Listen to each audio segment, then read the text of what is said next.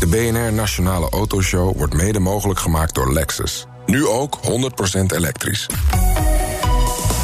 BNR Nieuwsradio. De Nationale Autoshow. Meindert en Wouter. Wouter, we hebben weer iets om naar uit te kijken acht Formule 1 Grand Prix zijn bevestigd, waaronder die van uh, Spa Francorchamps. We spreken straks de organisatie. Lekker, ja. hè? Ik, ja, ik hoop dat het doorgaat. Oh. Weet je, je weet nooit wat er nog kan gebeuren. Uh, maar wat wel zeker doorgaat, maar je moet er ook snel bij zijn, is de subsidieregeling voor nieuwe en gebruikte elektrische auto's voor particulieren. En die kunnen er aanspraak maken op duizenden euro subsidie. Dus wees er snel bij. Potje is wel gelimiteerd, namelijk volgens ja, ja, vind je dit nou een goede zaak of toch een beetje zonde van het geld? Ja, nee, ik denk dat het voor particulieren wel goed is. Ik denk ook wel dat het een beetje laat is. En dat alleen maar elektrisch, dat dat ook weer zonde is. Er zijn de plug-in hybrids alweer verdwenen. Terwijl bijvoorbeeld een Outlander blijf ik bij, heb ik altijd gezegd, joh, het zou ideale tweede auto in het gezin zijn. Nou, je gewoon lekker vaak laden, hè, alle boodschappenritjes elektrisch doen en dan, nou, als je ja, wat ja, was het probleem, niemand laden bijna. Nee, ja, daar moet je dus wat slims voor verzinnen. Maar Ja. goh, weet je, met alle, onze connected world kan je dat prima doen. Ik wil het nog wel een keer uh, komen uitleggen. maar je moet er inderdaad snel bij zijn, zei je al, hè, want het gaat dit jaar om 17,2 miljoen euro. Ja, Dat is niet heel veel. Mm, nee. Terwijl de miljarden aan eh, coronasteun je om de oren vliegen. Ja, eh, ja, en volgens mij in Duitsland eh, gaan ze ook nog helemaal los met die subsidies op EV's. Nee, ik, nee, het is veel geld, maar ja, het is ook zo op, Ja, zeg maar. precies. Ja, maar goed, we gaan het zien. Ik, ik hoop bij het ministerie als ze zien van joh, het is gewoon heel populair, het werkt echt, dat ze dan denken van nou, weet je wat, om elektrisch rijden verder te stimuleren, trekken we nog even een potje open. Het maakt dit jaar toch allemaal niet meer uit. joh. Die staatsschuld die is sowieso door het Ja. plafond gegaan, dus laten we ons niet inhouden. Nee, en eh, dat eh, kan ook met de aanschaf van een mooie nieuwe auto natuurlijk.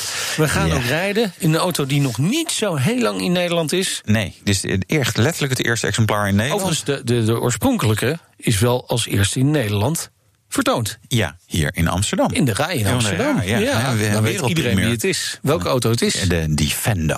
Land Rover Defender. En je eerste indruk. Kijk, wij hebben hem toen Ja. gezien in Frankfurt. Toen werd hij. Nou, dat was de laatste Frankfurt ook, denk ja, ik. ja, waarschijnlijk wel. Hè? Wordt Eh, onthuld. Ja, daar werd hij onthuld. Schitterend. Ja. Ik vond hem echt heel mooi. Ja. ja, ik weet niet, is het nog nodig dat kinderen studeren en zo? Want anders kan ik die studiepotjes gewoon leeg trekken en een Defender gaan halen. zo, ja, weet je. ik vind deze tijd. Je moet gewoon in de natuur leven, denk ik. Ja, precies. Nou, En daar- dan en kan daar je heb je zo'n auto voor nodig, Ja, ja. precies. Nou, Nou, we zijn eruit. Straks meer eh, over de nieuwe Defender, maar eerst eh, dit. De discussie over de aanschafbelasting op nieuwe auto's. De BPM die leidt weer op na een nieuw onderzoek. Dat is uitgevoerd door onze eerste gast. Hier in de studio, onze eerste gast in de studio, Wouter. Sinds de uitbraak van, de uitbraak van corona. En dat is niemand minder dan Karel Koopmans, onderzoeksdirecteur van SEO Economisch Onderzoek. Welkom. Dank u. Fijn dat u er bent. Eh, het ministerie van Financiën schakelde u in om een eh, second opinion uit te voeren. Eh, Laten we even beginnen. Want er zijn, er zijn twee onderzoeken gedaan. Eentje door TNO en eentje door KPMG. En die spreken elkaar een beetje tegen op sommige vlakken. En de minister heeft u dus gevraagd om eigenlijk een derde onderzoek te doen. Om te kijken wat er nou wel of niet klopt. Dat is juist. Ehm, het is zo dat eh, het ministerie van Financiën zich baseert op onderzoek van TNO. En de autobranche heeft eh, KPMG onderzoek laten doen. En de, de eh, uitslagen spreken elkaar tegen. Ja. En dan heb je iemand, een soort mediator nodig.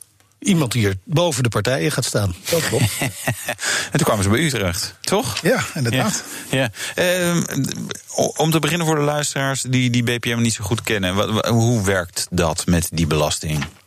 Nou, als je een nieuwe auto eh, in Nederland eh, ja, op kenteken zet, dan moet daar eh, belasting over betaald worden. En dat geldt Ja. trouwens ook voor gebruikte auto's die geïmporteerd worden. Ja. En ja, dat zijn toch wel redelijk forse bedragen van duizenden euro's. Ja.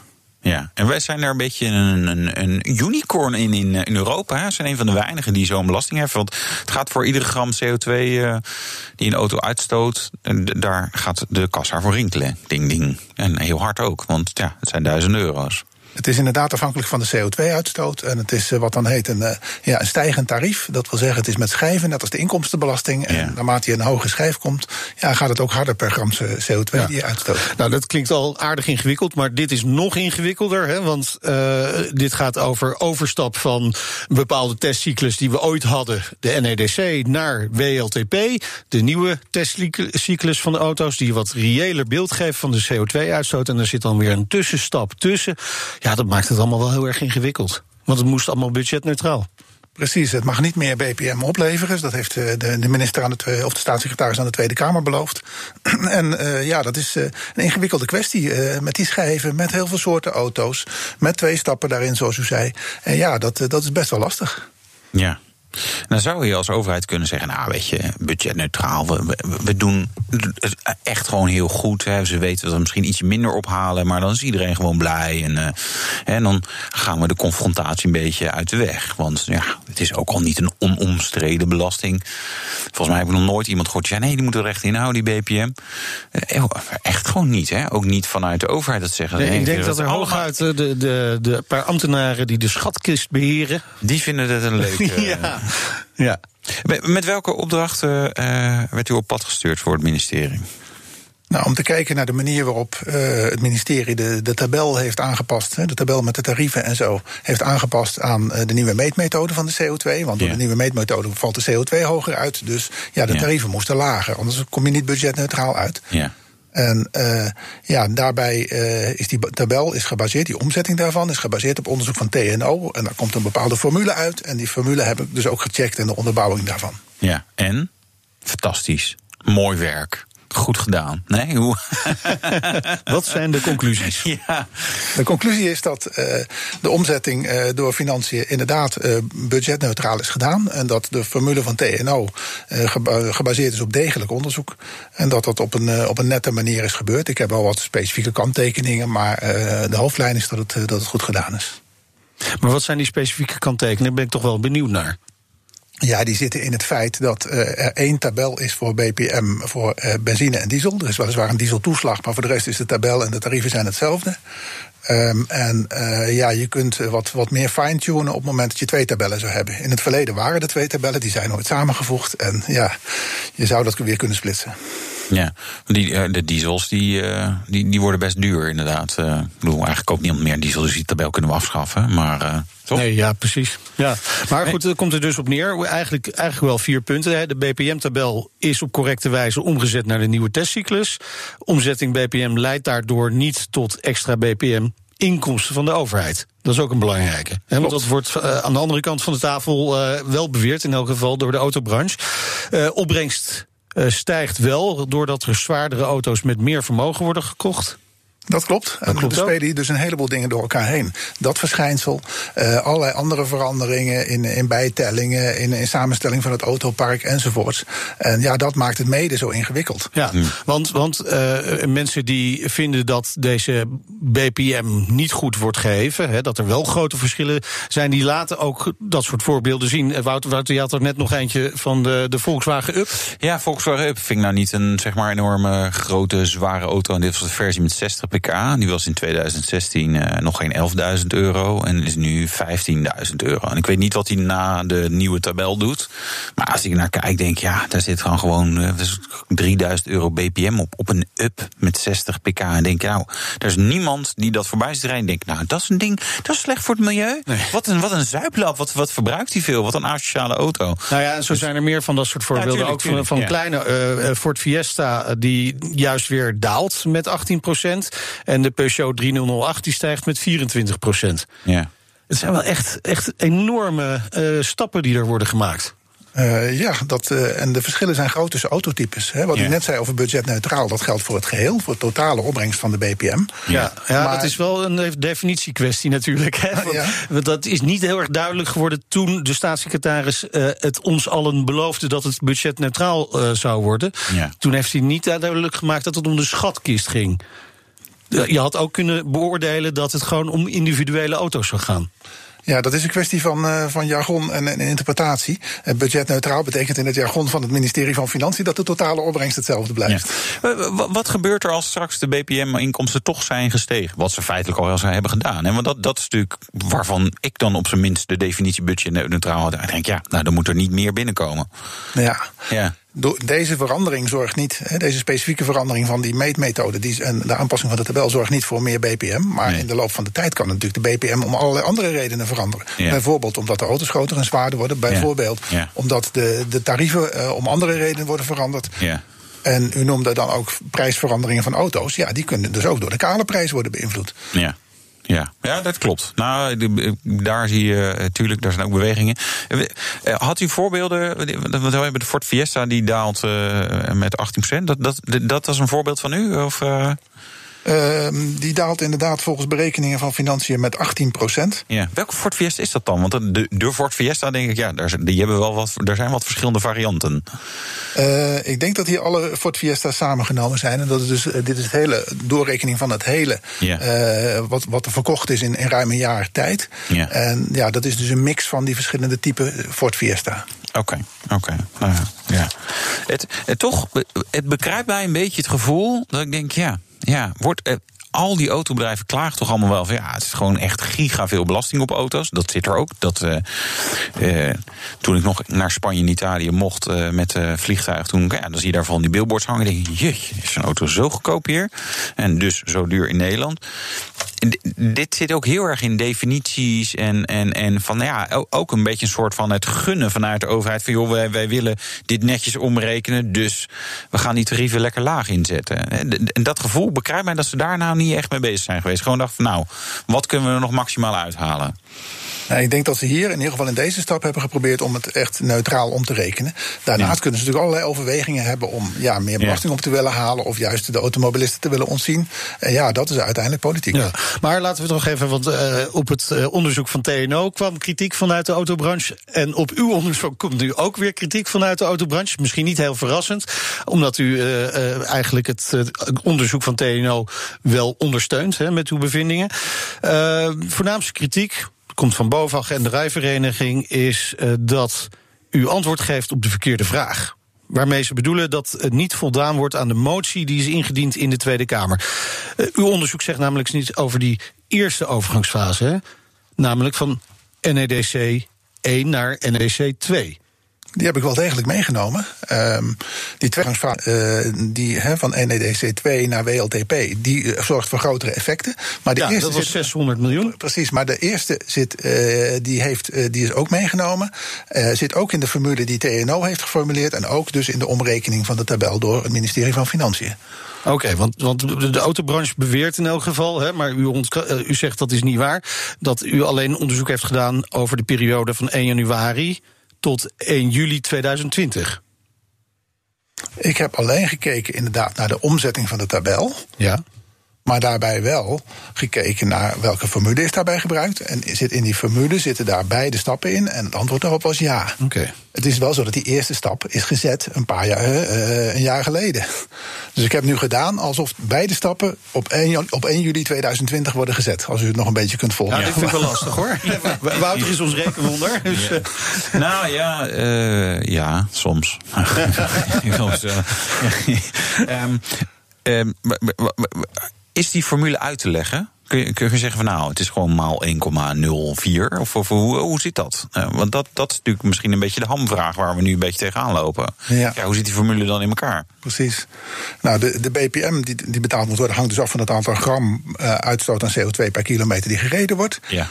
En de nieuwe meetmethode levert daar dus een hogere score op voor het aantal grammen. Ja. En uh, de, uh, de omrekening, de, de, de, de, het verband tussen die twee wordt voor de gemiddelde auto, de TNO, geschat op. Er komt 10% bij bij het aantal grammen uh, ja. per, per, kilometer, plus 15 gram. Plus 15 gram, oké. Dat is de formule. Ja. Ja. Maar dat is gemiddelde natuurlijk. En, en dat geldt inderdaad voor gemiddelde. En voor individuele autotypes kan dat dus totaal anders ja, Want er zitten heel weinig auto's precies op dat gemiddelde. Juist. Dan modaal bestaat ook niet. Nee, nee, nee, precies. Uh, nou eh, vindt de autobranche ook dat u niet grondig genoeg heeft gekeken naar het KPMG-onderzoek. Betekent uh, uw, uh, de uitslag van uw onderzoek ook dat het KPN KPMG-onderzoek, dat u daar vraagtekens bij zet over de kwaliteit daarvan? Nou, de branche, de autobranche is, is, kritisch over het feit dat mij niet gevraagd is om naar het KPMG-onderzoek te kijken. Ja. Dat is inderdaad zo dat mij dat niet gevraagd is door het ministerie van Financiën, maar ik heb het wel gedaan. Ah, oké.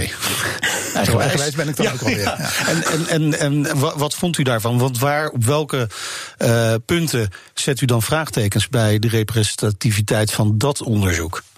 Um, dat onderzoek ziet er op zich is, is een mooi onderzoek. Uh, ze gaan daar op zoek naar auto's die uh, ja, vergelijkbaar zijn of identiek.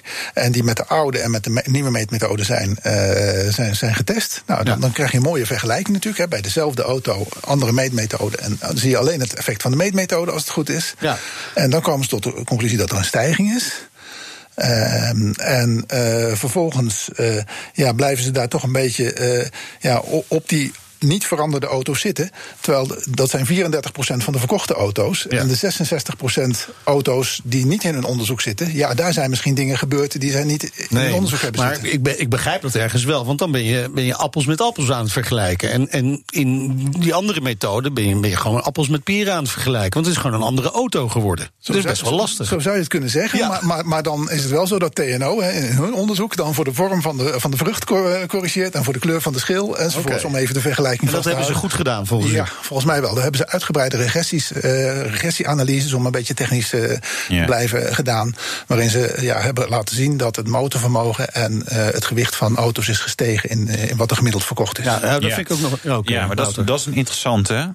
waardoor stijgt hij namelijk? Door meer milieueisen en veiligheidseisen. Dus dingen die onze overheid, hè, dus EU en Nederland en iedereen bij elkaar, natuurlijk gewoon bij de autofabrikanten neerlegt. Van uh, gij zult mooier botsen en minder uitstoten als u niet botst.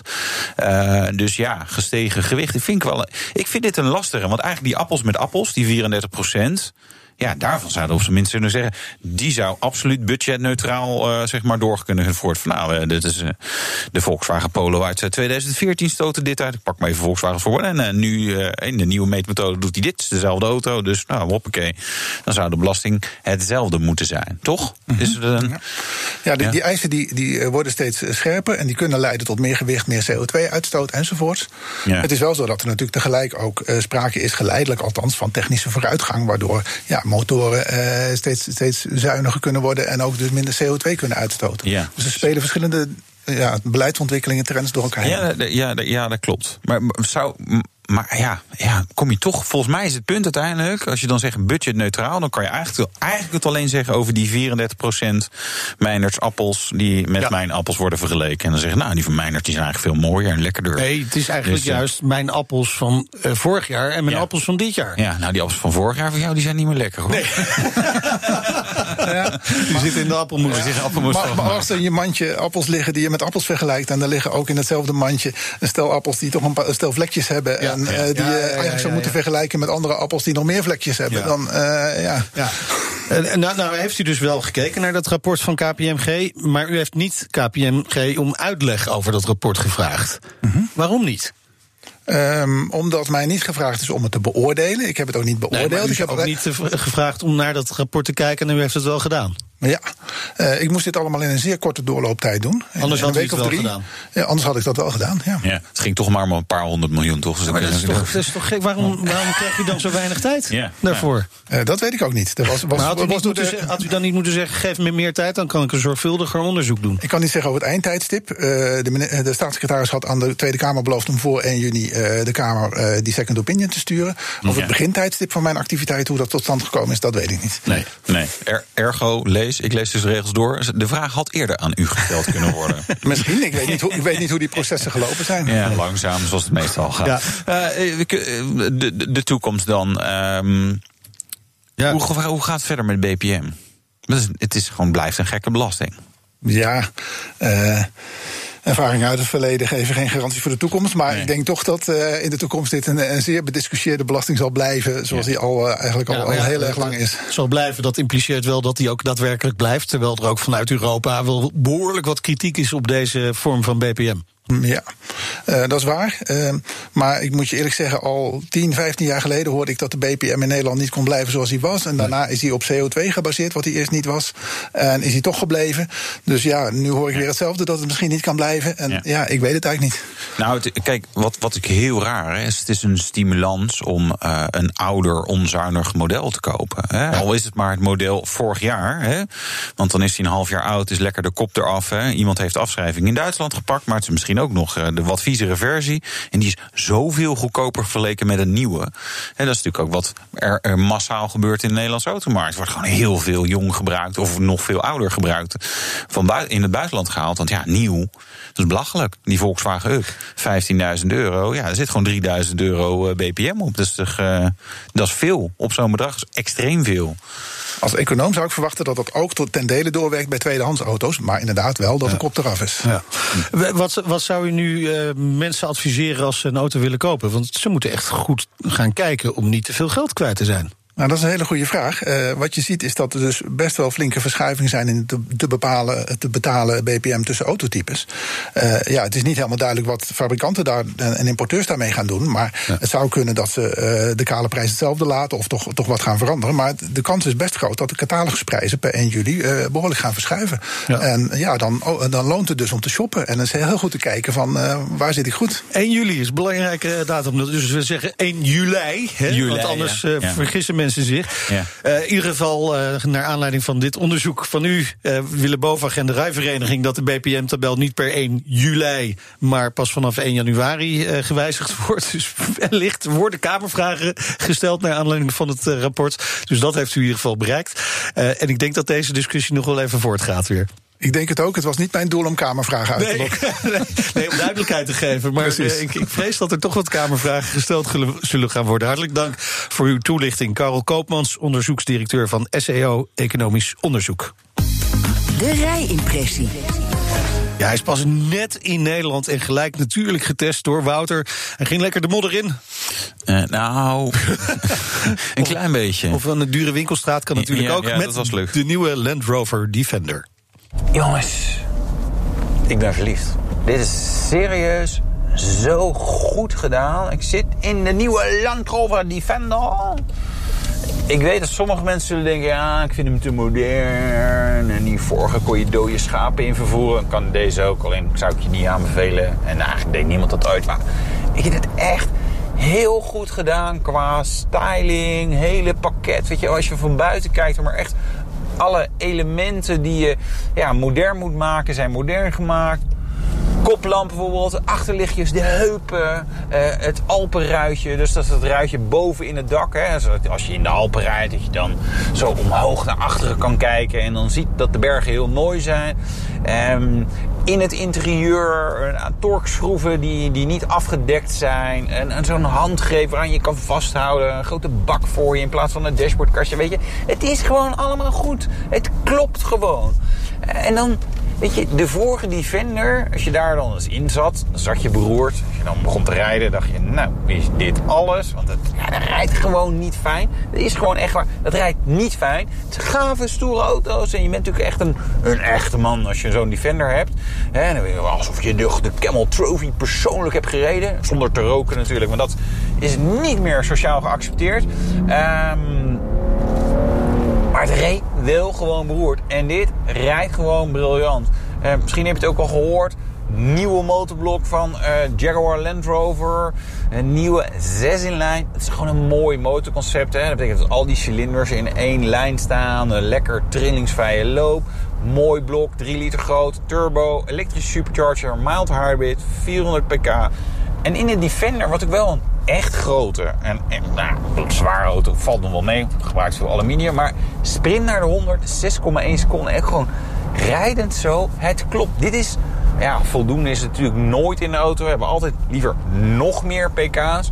Maar het rijdt gewoon zo lekker. En klinkt goed. Uh, stuurt ja, best redelijk. Wel, het is letterlijk deze auto. Ik ben er even naast gaan staan. Toen dacht ik, nou, hij is ietsje kleiner dan dat ik ben. En dat bleek te kloppen, want ik kan in het navigatiesysteem kijken hoe hoog die is. 1,91 meter. Tenzij hem in de off-road stand zet, dan is die 1,96 meter. Namelijk exemplaar met luchtvering. Dan kan je nog ietsje hoger. Dan heeft hij grotere vrijloophoeken. En dan kan je door dieper water rijden. Uh, noem allemaal maar op. Offroaden. Uh, ja, kan die ook. Um, 90 centimeter diep water. Best diep. Uh, hij heeft ook gewoon een tussenbak. Dus gewoon nog twee versnellingen. Uh, over altijd automaat. Uh, hij heeft een differentieel op de achteras. Een middendifferentieel. Uh, en niet zoals vroeger dat je helemaal stil moet staan. En dan met de hand nog met een slinger dat aan moest zetten. Nee, dat werkt ook allemaal elektronisch. Het is gewoon echt goed gedaan. Goed, echt goed gedaan dus. Maar je zit dus ook niet meer een beetje scheef achter het stuur? Nee, je zit gewoon recht en opgevouwen. Wat, wat, is, er, wat is er nog echt Brits aan dat ding? Uh, ja, je wilde weten of er al iets stuk is gegaan toen ik. Maar nee, dat, ja. dat gebeurde nog niet. Dat of er moet vast... iets niet kloppen ergens. Nee, nee zeker wel. Uh, nee, bijvoorbeeld de touchscreen. Dat is wel grappig. Want ik zei het bij een andere auto. Van, goh, ik hoef nu niet uit mijn stoel om een touchscreen te bedienen van uh, navigatie. Hè, want het, is natuurlijk het was volgens mij de Seat Leon waarbij ik het zei iemand op YouTube helemaal los. Ja, en dat is toch gewoon normaal. Nou, in de Defender moet het echt uit mijn stoel komen, zo naar voren. En, de, en die touchscreen aanraken, anders kan ik hem niet bedienen. Dat is onprettig. Ja, dat is onprettig. Maar ja. over het geheel gezien. Nee, ja, gewoon een fantastische auto. Ja. Weet je, uh, natuurlijk, hij is duur. En dat kan je als kritiek. Uh, maar ja, waanzinnig. Uh, nou ja. Als mensen hem ook willen zien, dan kunnen ze op autoblog.nl. volgens mij is de video bijna live. Dus lekker man. even kijken. Dus het hele weekend kunnen ze gaan kijken. Ja, joh. Uitgebreide mini-documentaire over de Defender. En zometeen, wat gaan wij doen? Formule 1 gaan we het over hebben. Subsidies voor elektrische auto's. En wat die met elkaar te maken hebben. Nou, dat ze allebei in het tweede half uur van de autoshow zitten, bijvoorbeeld. Tot zo. BNR Nieuwsradio. De Nationale Autoshow. Meindert en Wouter. Circuit Zandvoort zag het niet zitten, maar circuit van uh, Spa-Francorchamps die gaat het eind augustus wel doen. Een Grand Prix zonder publiek. Ja, en dat terwijl tot 1 september in België grote evenementen eigenlijk verboden zijn. Maar voor de Formule 1 wordt een uitzondering gemaakt. Ja, en over dat en meer gaan we praten met Stijn de Boever, commercieel directeur van Spa Grand Prix. Welkom in de uitzending. Hallo. Fijn dat u er bent. Uh, jullie staan Dank. op de kalender. Gefeliciteerd. Ja, het was moeilijk. Het is ons uiteindelijk gelukt, dank je. Ja, en deze week dus officieel gepresenteerd. Blij dus ook dat ja. het definitief gelukt is, begrijp ik. Blij, ja. Het is natuurlijk een teleurstelling dat we geen fans kunnen nemen op, op de reis. Maar uh, het is echt beter dan niks met die crisis. Ja, nou ja, het is wel lekker voor degenen die er wel kunnen zijn. Die kunnen een beetje vrijelijk uh, rondlopen. Kan het allemaal beter zien. Hè? ik heb geen scooter nodig. Nee, nee, nee, ja. ik kan rondlopen. Waar, waar, waarom kan de uh, Grand Prix van Spa-Francorchamps 30 augustus toch doorgaan? Hè? Ondanks die strenge coronamaatregelen die gelden. Want we, we zeiden al, eigenlijk zijn er tot 1 september geen grote evenementen mogelijk in België. Nee, dus we hebben er een klein evenement van gemaakt. Nee, we hebben echt zo weinig mogelijk mensen uh, gevalideerd. We hebben samen uh, de, de, oefening gedaan met FIA, met, uh, met Formula 1, met de nationale autoriteiten. Voor te kijken hoeveel de minimum hoeveelheid no dat we nodig zouden hebben om een Formule 1 koers te organiseren. En dus we komen nu op een 2000-tal personen voor die koers te kunnen organiseren. Ja. En elke team is één familie en die wordt niet gemengd met een andere team die een andere familie is. Dus het is echt een quarantaine op het circuit. Ah, ja. Dat ja. genoeg is. Ja, ja, maar die pitboxen zitten natuurlijk wel allemaal naast elkaar. Hoe, hoe, ga, hoe ga je dat dan Ja, ja. regelen? Past dat allemaal zo? Ja, ja. Ja, die pitboxen zijn naast elkaar, maar die, die houden altijd een meter 50, twee meter van elkaar. Maar iedereen heeft toch En ook een helm op? team Ja. eet op, een, op, op verschillende zalen en zo verder. Ja. Nou ja, bovendien iedereen in die pitbox moet gewoon maar een helm op of zo'n eh, zo'n spatscherm, toch? ja. ja. Al die piloten houden handdag een helm op. Ja, daarom, daarom. Zelfs als ze weglopen van de, van de auto. Ehm, nou, scheelt het natuurlijk, hè, als je met 2000 man eh, die Formule 1 kunt eh, gaan organiseren, scheelt dat een hoop, eh, hoop geld. Maar ja, aan de andere kant, je mist ook enorm veel inkomsten, omdat er geen fans zijn. Dat- Hoe hebben jullie dat met name financieel gezien dan geregeld met, met de Formule 1-organisatie? Want het kost natuurlijk altijd Ja, wel geld. Dus het, we, we moeten onze fee niet betalen, want ieder jaar betaalt ieder land een fee aan Formule 1 Ja. om te komen. Dus dit jaar is dat geannuleerd, hoeven we niks te betalen. Oké. En hoeveel En ho- hoog is 1 die fee betaalt- normaal? Sorry? Hoe, wat is, wat, om wat voor bedrag gaat het dan normaal? Meer dan 20 miljoen euro. Oké. Oh, dat is een lekkere besparing. Dus- ja. ja. Ja, dat is eh lekker. Maar ook geen inkomsten natuurlijk, zoals je zei. Nee. En Formula One betaalt al onze organisatiekosten. dus dat wil zeggen dat voor ons, de Walse regio, niet in de portefeuille moet gaan. Ja. Dit, dit, dit, dit kost wel hen wel klauwen met geld dus. Eh, en of levert het niet op. We- Dat is natuurlijk uiteindelijk een beetje hetzelfde. Was dat makkelijk om met ze te regelen? Ik kan me bijna niet voorstellen dat ze, dat ze meteen zeggen... oh ja, een goed plan. Nee. Oh, jullie betalen... Nee, wij, nee, wij betalen wel, maakt allemaal niet uit. Dat, dat is best een moeilijk verhaal, lijkt mij. Ja, het is eh, een heel, heel moeilijk verhaal. Echt moeilijke negotiatie gedaan met hun. Want het zijn andere landen die niet hetzelfde filosofie hebben als ons. Eh, Oostenrijk, die hebben wel meer geld dan ons eh, met Red Bull. Ja. Eh, voilà, dat zijn andere, andere manieren van, van negociatie. Maar wij konden echt met de geschiedenis dat we hadden met Formule 1 in België niet, niet op het kalender zijn. Dus we hebben echt allemaal ons best gedaan. En, en Formule 1 ook natuurlijk, want voor ons is het ook belangrijk voor de, de televisierechten en de sponsoringrechten enzovoort. Hè, dat ze Ja. toch eh, Ja. Ja. genoeg naar Europa komen. Hè. Ja. Want eh, een Formule 1 seizoen zonder Spa-Francorchamps, dat is gewoon ondenkbaar. Ja, moet je misschien niet aan mij vragen, want ik zal zeker nee zeggen. Precies, nee. Maar ik, ik zit nog even met die, met die inkomsten. Hè, want natuurlijk, eh, door het uitzend, de uitzendrechten liggen, die zijn natuurlijk gewoon verkocht. Daar kun je niet nog extra geld voor gaan vragen.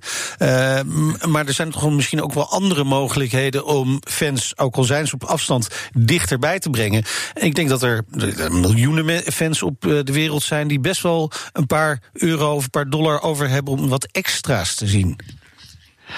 Dat was ook in al de opties dat we hadden gedaan. We hadden ook gehoopt van misschien zelfs enkel 20.000 personen, of enkel Belgen, of enkel Belgen en Nederlanders. Want Ja, 30% precies. van onze gasten zijn Nederlanders. Ja. Dus we hebben alles geprobeerd. Het was een nee-antwoord. Nee. En we zijn echt Ja. blij dat het een ja-antwoord is voor toch achter gesloten deuren. te Ja. En als Maar ik nou een journalisten helikopter- kunnen natuurlijk wel komen, Ja, toch? precies. Ja, Want zijn is- essentieel. Sorry? De journalisten kunnen natuurlijk wel gewoon komen, toch? Vooral Nederlandse radio. eh, Ja, dat die zijn van harte. Nee, maar- Journalisten- Mo- mogen die wel? Mogen, mogen we wel? is Nee, dan eigenlijk de vraag. nee, natuurlijk. Nee, nee. ook niet. Maar hoe zit dat dan met de Al de, waarheidsvinding? al de Ja. Officiële journalisten mogen niet komen. Oké. Het is een speciale lijst. Die, we gaan wachten tot aan eind juli. Oké. Om te kijken hoe, hoe het beter gaat. Ja. Maar dat is onze job niet. Dat is echt Formula One die, geeft, die accreditatie Oh, geeft aan, de, aan de journalisten. Ja, ik ben eind juli jarig, dus dan dat is een mooi verjaardagscadeau. Van, eh, dat mij, nou, leuk joh, Meijnert en hier. Nee, ja, eh, gekkigheid. Maar dat is, ja, ik vind het toch wel vreemd. dat Er staan straks zo die heuvels zijn helemaal leeg. eh, ze- ze- heeft dat veel effect op de sfeer voor die, voor die rijders? Of valt er nog wel mee?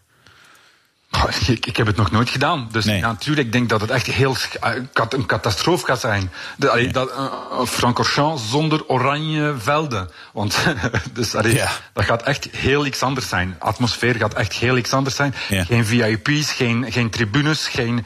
Allee, ik kan, ik kan het zelf niet geloven hoe het mogelijk gaat zijn. Dus, eh, Nee, nou ja, we gaan, we gaan het natuurlijk eh, zien. We zijn heel erg benieuwd. Eh, wel is het vertrouwen tussen eh, Spa-Francorchamps en de Formule 1-organisatie groot. Hè? Want het contract met de Formule 1-organisatie is eh, gelijk maar even verlengd. Ja, dat was ook eh, voor ons voor te zeggen, want eh, dit jaar is eh, totaal eh, plat, niks. Dus laten we een jaartje langer doordoen. Eh, zonder negotiatie. 20 schuift naar 21 Ja, ja. en 21 Oké. naar 22. En dat was ook belangrijk voor hun om dat te consolideren. Oké. De, de eerste race wordt dan eind augustus. Hoe- gaat dat weekend eruit zien? Wordt het anders of is het eigenlijk hetzelfde, maar dan zonder, zonder publiek? Op de piste totaal hetzelfde. Aan de buitenkant van de piste alles wordt veranderd. Ja. Eh, de, de, motors, de motorhomen komen niet, zoals gewoonte, die echt een, een totaal on- ongelooflijke sfeer geven. Die, die ongelooflijke mooie motorhomes. Ja. Eh, maar echt alles aan de buitenkant eh, blijft zoals in de winter, zou ik zeggen. Ja, maar, waar, wa- maar waar moeten ze dan overleggen en champagne drinken als ze hebben gewonnen en zo? Nee, hoe, want de, de, normaal gebruiken ze die natuurlijk wel. Dus hoe, hoe gaat dat dan? Ja, dat is eh, een, een, echt een, een, een, proces die, die we nu op aan het wachten zijn. Uh, die is nu nog bezig aan het doen zijn met de FIA, om te kijken hoe het gaat gebeuren, wie en wat. Uh, en ik, ik verwacht het, dus we hebben het nog niet ontvangen. Oké, dus dat plan moet nog worden uitgewerkt. Ja, ja, ja. Een aardig, een aardig klusje. Ja, nou zijn, zijn er. Ja. ja, precies inderdaad. Een flinke klus. Nou zijn er voor uh, de, de, de race op uh, Spa zijn er nog zes andere races. Hè, waaronder Oostenrijk, Hongarije, ja. Groot-Brittannië en Spanje. Uh, wat, wat nou als bij een van die races toch een corona-uitbraak uitbraak, plaatsvindt? Wat kan dat dan eventueel betekenen? Wordt daar rekening mee gehouden? Is heel gemakkelijk in feite, want dat, dat zit ook in het proces en dat hebben we al ontvangen. Dus elke familie wordt twee keer per dag getest. Twee keer per uh, dus dag iedere, iedere, iedere, persoon wordt twee keer per dag getest. Zo. En uh, de temperatuur wordt genomen. Dus vanaf dat er iets is, weten ze direct wie met wie uh, zat en, en kunnen ze alles traceren. En is het echt heel gemakkelijk om één persoon of meerdere personen zo snel mogelijk eruit te doen. Dus voilà. In, in, principe staat dus een race, race niets in de weg. Uh, natuurlijk gaat u ook de, de Nederlandse en de Belgische fans en vanuit de rest ja. van, van de wereld missen. Uh, hoe, hoeveel kaarten Tuurlijk. hadden jullie tot nu toe eigenlijk verkocht? Op de drie dagen hadden we 165.000 kaarten al verkocht. En we we, vragen natuurlijk aan de fans, als, als ze willen komen in 2021, kunnen ze op dezelfde voorwaarden en zonder niets bij te betalen, gewoon hun ticketten in één klik doorschuiven naar volgend jaar. En als ze dat nou niet willen? En als ze dat nou niet willen, dan hebben ze een kleine procedure te volgen op onze website om uh, de terugbetaling okay. te vragen. Ja, okay. Dat is ook mogelijk natuurlijk. Kun je begrijpen, dat is denk ik netjes uh, trouwens, maar kun je begrijpen dat ze in, in Zandvoort dachten van ja, zonder publiek, nee, weet je wat, doen we niet uh, voor de Formule 1 race? Want jullie gaan het duidelijk wel doen. Dus ja, het is best vreemd ja, dat ze hier dichtbij dat, dat niet doen. Dat is een heel groot verschil tussen uh, Zandvoort en België. Wij zijn uh, met de Walse regio en zij zijn 100% privé. Dat is, is, echt heel iets anders. En zij hebben enorm grote investe eh, investeringen gedaan dit jaar. Ja. Wij zijn al 50 jaar bezig, dus de investering is, is, is heel wat lichter. Dus ik, ik begrijp ze natuurlijk. En het, ja. het, komt bijna niet anders voor hen. Het is echt spijtig, want het was echt de place to be ja. dit jaar. Ja, en het was ook best lekker weer geweest. Dus ja. ja. Wat betreft die Nederlanders, want we hadden het net over de kaarten die u verkocht had. Hoe, hoeveel Nederlanders hm. hadden een kaartje gekocht? 50 procent. 50 procent. Dus ruim ja. 80.000 Nederlandse fans. Exact, exact. Ja, nou, we hadden echt bang met de Nederland. We, we hebben ja. erover gesproken een paar maanden geleden tezamen. We hadden bang over Nederland. Wat gebeurt er voor België? Ja. Maar voor ons was het op dit moment echt geen groot verschil. Mooi. Nou ja, wie weet, uh, ik denk namelijk gewoon dat ze volgend jaar ook gewoon allemaal gaan komen. Hè. Dit zijn de echte fans. In ieder geval heel veel uh, succes. Dank voor uh, uw tijd, Stijn de Boever, commercieel directeur van Spa Grand Prix. De Nationale Autoshow. Er werd lang over gesproken en Wouter, we zaten natuurlijk allebei daar enorm op te wachten. Ja. Hè? Het is zover. De subsidie. Subsidies zijn we altijd dol op. Gratis geld. Gratis geld, jongens. Ja. Blijf luisteren, gratis geld. Ja, um, particulieren kunnen aanspraak maken op een aankoopsubsidie voor een nieuwe of gebruikte elektrische auto. Ja, dat is wel even belangrijk. Ja. Elektrische auto natuurlijk. Ja. We hebben contact daarover met Maarten van Biezen van de Vereniging Elektrische Rijders. Hij volgt de totstandkoming van de regeling op de voet. Welkom, uh, Maarten. Dankjewel. Fijn dat, je, fijn dat je er weer eens bent. Uh, die aankoopsubsidie is een lang gekoesterde wens uh, van jou ook. Waarom precies? Nou ja, omdat we natuurlijk in de zakelijke markt al van heel lang een stimulering voor elektrisch rijden kennen, of van zuinige auto's überhaupt. Maar voor de particuliere markt eigenlijk uh, niet. Um, daar is eerder ook gesprekken zijn erover geweest. Toen in het klimaatakkoord is toen gezegd, nou, we gaan het ook daadwerkelijk doen. En dan was het eventjes wachten voordat de regeling echt helemaal kant-en-klaar was. En dat is nu uh, het geval. En hoe ziet die regeling er precies uit? Want jij hebt het natuurlijk helemaal in je hoofd zitten. nou ja, voor een uh, nieuwe elektrische auto kun je in aanmerking komen voor 4000 euro. Als die auto tussen de 12.000 en de 45.000 euro cataloguswaarde heeft. Ja. Uh, voor een gebruikte auto uh, is dat 2000 euro subsidie. Als die auto ook origineel diezelfde cataloguswaarde had. Ja, dus is het niet uh, om een lekkere dikke Tesla of Audi e-tron op te halen, deze subsidie? Nee, de vraag is ook of je dan wel een subsidie nodig had. Dat is altijd lekker. Ja, nou ja, die discussie Ja, heb ik ook gehad over de bijtelling. eh, zeg maar. Eh, ik ken ook mensen die een Tesla van 160.000 euro hadden. En eh, ja, vanwege de lage bijtelling. Want het maakt het toch allemaal niet meer uit. Waar, waarom is die eigenlijk gemaximeerd op die 45.000? Want wat maakt het nou uit als je mensen. eh, ja, je zegt dan kunnen ze hem wel betalen. Maar Ja. eh, die 4.000 euro, dat maakt toch niet uit? Het wordt niet meer als de auto 50.000 euro kost. Maar het idee was wel om, ehm, met name voor de particuliere markt, waar Ja. de particulier toch een ander soort auto koopt dan de zakelijke markt, Ja. om met name een beetje de middenklasse auto te kunnen stimuleren en ook voor mensen aantrekkelijker te maken. eh, die niet een heleboel geld op een rekening hebben staan voor een dure elektrische auto. En die juist geholpen worden door die subsidie. Er wordt nog wel even naar een paar dingen gekeken, ook extra. Hè? Die, die actieradius die is wel belangrijk. Minimaal Ja. 120 kilometer. Waar, waar- waar- waarom is dat? Zijn mensen bang dat er eh, allemaal rare eh, autootjes op de markt komen die eh, onder, dat, eh, onder die actieradius eh, komen te liggen? Ehm, nou, dat heeft wel een, een discussie speelde inderdaad wel mee van eh, wat mag je nou, mo- moet je ook nog een zekere kwaliteit verwachten. Ja, ja. Dan Moet je ook eh, wel echt hele kleine light electric vehicles, die, ja, die passen er eigenlijk niet onder, dat is niet helemaal de bedoeling. Ja. En daar is uiteindelijk een grens in gelegd. En dat is denk ik een vrij arbitraire grens. Ja, de maar meeste ja, elektrische auto's die op de markt komen, die voldoen daaraan. Ja, precies. Maar je moet hem ergens maken natuurlijk. Ja, dus, is- zijn jullie eh, tevreden met deze voorwaarden? Überhaupt? Gelden, het bedragen, eh, nou, noem allemaal op. De hele regeling. Ja, Ja? Ja, ja, eigenlijk wel. Ik denk ook dat eh, we hebben van de Vereniging Elektrische Rijders krijgen we al heel lang berichten binnen van mensen die echt zitten te wachten op die regeling. Ook mensen die nu teleurgesteld zijn dat ze net al iets hadden gedaan en nu komt die regeling er.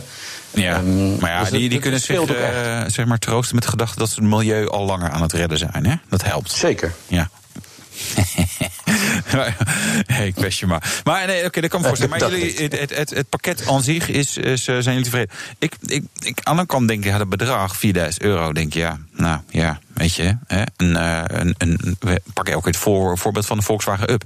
Maar een benzine Up kost 15.000 euro. We hebben het de eerste half uur uitgebreid over gehad. En een elektrische Up eh, 23 of zo, of 24. Hou me even te goede. Er zit er nog steeds wel een gaatje tussen, zeg maar. Helpt dit echt genoeg? Nou ja, het is natuurlijk in het gebruik is een elektrische auto echt wel stukken goedkoper. Hè? Dus de elektriciteit is nu helemaal goedkoper dan, eh, dan benzine. Ja. Maar als je kijkt naar private lease, wat denk ik ook echt aantrekkelijk is in, eh, in, deze, in dit voorstel. Ja. Dan zie je dat bijvoorbeeld eh, die, die e-up die jij noemde, die zit Ja. op iets van 350 euro. in de maand in de lease. Daar, zou dan, daar zou je dan als, alsgene die dan zijn auto leest, krijg je bijna 83 euro in de maand krijg je maandelijks gestort als subsidieuitkering. Ja. En dan zit je toch wel op een aantrekkelijk eh, eh, laag bedrag. Ja. Ja. Ja, Wetende dit- dat. eh, ja, een gemiddelde auto, misschien is het toch wel goed om te noemen. eh, als je het Nibud of de ABB kijkt, dan zit een kleine middenklasse auto zit toch echt op de 480 euro per maand als je alles bij elkaar optelt. Ja, ja. Dus, ja, dat is geen up, al met al, middenklasse. Dus- Z- Zeker. Nee, hè, dat is- maar dan is zit je ook met een andere elektrische Ja. auto nog best goed. Ja. Ja. Ja. Ja. maar gaat het voor eh, gaat het pri- private lease vooral? Is dat, dat een beetje ook de verwachting van jullie? Dat dit vooral private lease. eh, want ja, weet je, uiteindelijk zijn het prijzige auto's met lagere running costs. Dus dat, dat, dat neigt wel naar een aantrekkelijker lease eh, verhaal. Ja, ik, ik, ja dat, ik denk het wel. Je ziet dat private lease sowieso eh, nog wel een opkomst is. Dat veel mensen tegenwoordig auto's kopen via private lease. Of aanschaffen via private lease. Ehm, in de elektrische markt zijn het nog maar hele kleine aantallen. Ik geloof dat het vorig jaar echt eh, een paar honderd eh, elektrische auto's particulier via private lease zijn verkocht. Ehm, maar ik denk wel dat dat heel aantrekkelijk wordt met deze regeling erbij. Ja. En, en is er, voor welke modellen is dit een beetje eh, interessant? Wat, eh, wat, wat voor soort auto's kunnen is de verwachting dat het op hard gaat lopen? Ja, ik, ik denk eigenlijk eh, voor al die kleine middenklasse elektrische auto's. Ja. Daar is die natuurlijk ook voor bedoeld. Ja. Het is jammer dat de ID3 nog niet beschikbaar is. en de Corsa, de Pe- Peugeot 208, de Zoe, de Leafs.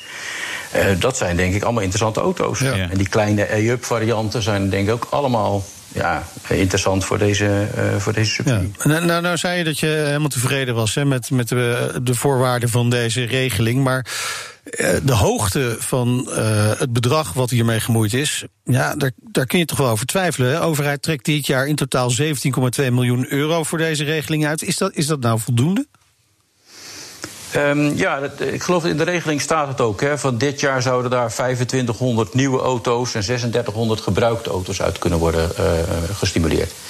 Als je dan bedenkt dat de particuliere rijden, want dat is het natuurlijk, er zijn echt wel behoorlijk weinig particuliere elektrische rijders. Er staat in, de, in, in die brief die gisteren of eergisteren aan de Kamer is gestuurd. En dan heb je het ongeveer over alle elektrische rijders. Daarvan zijn ongeveer 17.000 uh, particulier. Dus mm. vorig jaar zijn er, uh, denk ik, uh, 4000 nieuwe auto's verkocht aan particulieren. Nou, als dit een enorme boost eraan kan geven, voor dit halfjaartje nog ja. 2500 extra, ja, prima. Ja, maar er is dan 10 miljoen gereserveerd voor nieuwe elektrische auto's. 7,2 miljoen voor een gebruikte. Maar is er wel genoeg aanbod aan gebruikte elektrische auto's? Want dat zijn toch um, voornamelijk Tesla's. En per nee, nee, nee, er zijn ook. Ja, oude liefs die hadden een actieradius tot 100 kilometer. Uh, dus die vallen af. Ja. Dat is ook een lelijk ding trouwens, dus dat is prima. Ja, ik heb er nog in gereden. Ja, ik weet um, het. Als je erin zit, zie je het lelijk We vinden niet alles goed wat je bedenkt, Maarten. nee, ik, ik, denk dat um, je moet maar eens kijken naar hoeveel elektrische auto's geïmporteerd worden. Ja. Um, en dat zijn echt behoorlijke aantallen. En dat zijn allemaal precies die auto's die hier uh, precies op deze regeling passen. Ja. En ook voldoende. Ja. Maar volgens mij worden die vooral geïmporteerd omdat mensen dan denken: jakka, nog lekker 4% bijtelling. Want in, in weet ik veel waar hadden ze nog uh, een, een, een, ja, een Tesla of iets anders, ja. Hyundai of een, of een e-tron staan met, uit het goede bouwjaar. Want dat nee, is juist niet. Uh, het leuke is dat je, als je kijkt naar de import, dat zijn dat allemaal, uh, dat zijn die Leafjes, die Zoe's, uh, yeah. de Fiatjes 500. Dat zijn juist die kleine middenklasse EV'tjes die naar, hier in de import gaan. Okay. In de export gaan die dure auto's. Uh, die gaan allemaal weer, uh, oké, okay. dus ja, lekker. En import is ook nog groter dan export. Dus ja, ik denk dat we een importmotor hebben aangezet hiermee. Ja. Dat hoop ik ook. Oké, okay. nou die is die regeling, die loopt tot 2025. Hè? Uh, ik kan me voorstellen dat particulieren die een elektrische auto overwegen... echt wachten tot die subsidieregeling er is. dat is toch logisch? Dat, je zou gek zijn als je voor die regeling een elektrische auto gaat aanschaffen, toch? Um, we hebben wel uh, altijd heel hard geroepen, juist om die reden: van uh, de regeling komt eraan, wacht erop. Um, en tegelijkertijd zie je dat ook in de inspraak over de regeling best wel veel mensen hoopten dat ze met terugwerkende kracht in aanmerking kwamen voor die regeling. Ja, maar dat is niet zo. Dat is niet het geval. Nee. nee. Is het jammer, gemiste kans? Ja, als je het een beetje had gevolgd, dan weet je dat geldt eigenlijk voor elke subsidieregeling. Je krijgt ja. niet met terugwerkende nee. kracht geld. Nee. Heb je zelf al iets op het oog? Ik ben uh, voorlopig voorzien. Ja, maar kom op. Ja, Iemand ja. moet weer een tweedehands elektrische auto uh, kunnen kopen. Ja, ja maar ik, je moet een goede voorbeeld geven. De aankomende, de aankomende vijf jaar maar door blijven reizen. Nee, het is een beetje die VOC-mentaliteit. Oh, nee, je moet wel. Uh, nee. Oké. Okay. Um, um, ja, het zijn, ik vind nog wel beperkte aantallen. Hè. Zou, zou die subsidiepot niet gewoon groter moeten zijn? Dus dan denk je, joh, dan geven we dit jaar toch al klappen met geld uit. Dan kunnen we toch ook nog wel een beetje die particulieren sponsoren met hun elektrische auto's. Nou ja, het, ja, wat ik je zei over hoeveel particuliere auto's nu eigenlijk zijn verkocht, ook het afgelopen jaar. Um, ik moet eerst maar zien dat het ook allemaal dit jaar ook uh, wordt, wordt verkocht. En ook, okay. dat is ook, moeten we eerlijk zeggen, ook geleverd kan worden. Er zit nog wel een risico aan die ja, kant. Nou, precies, ook omdat veel fabrieken natuurlijk stil hebben gelegen vanwege de coronacrisis. Uh, toch tot slot, uh, Maarten, wat rij je dan dat je zo tevreden bent nog? Ik rijd nu een Model 3. Model 3. Tesla ja. Model 3. Ja, ja, ja. ja. Is nog ja. niet afgeschreven. Ja. En dank voor je tijd. Maarten van Biezen van de Vereniging Elektrische Rijders. Dit was de Nationale Autoshow. Terug te luisteren via de site, de app, Apple Podcast, Spotify. En vergeet je niet te abonneren. Ja, nee, we zeker niet vergeten. Ja, je kan ons nog volgen Twitter, Facebook. Je kunt ook oudere afleveringen nog terugluisteren. Ja, zeker de moeite waard. Superleuk. Nee, je kan eigenlijk de hele weekend kan je lekker naar ons luisteren. En dan ga je ondertussen op je tweede scherm uh, via Twitter, Facebook, Instagram... alle informatie tot je nemen. Precies, en reageren ons. Uh, mijn naam is Wouter Karsen. Ik ben Meijnerd Schut. Tot volgende week weer. Hoi. De BNR Nationale Autoshow wordt mede mogelijk gemaakt door Lexus. Nu ook 100% elektrisch.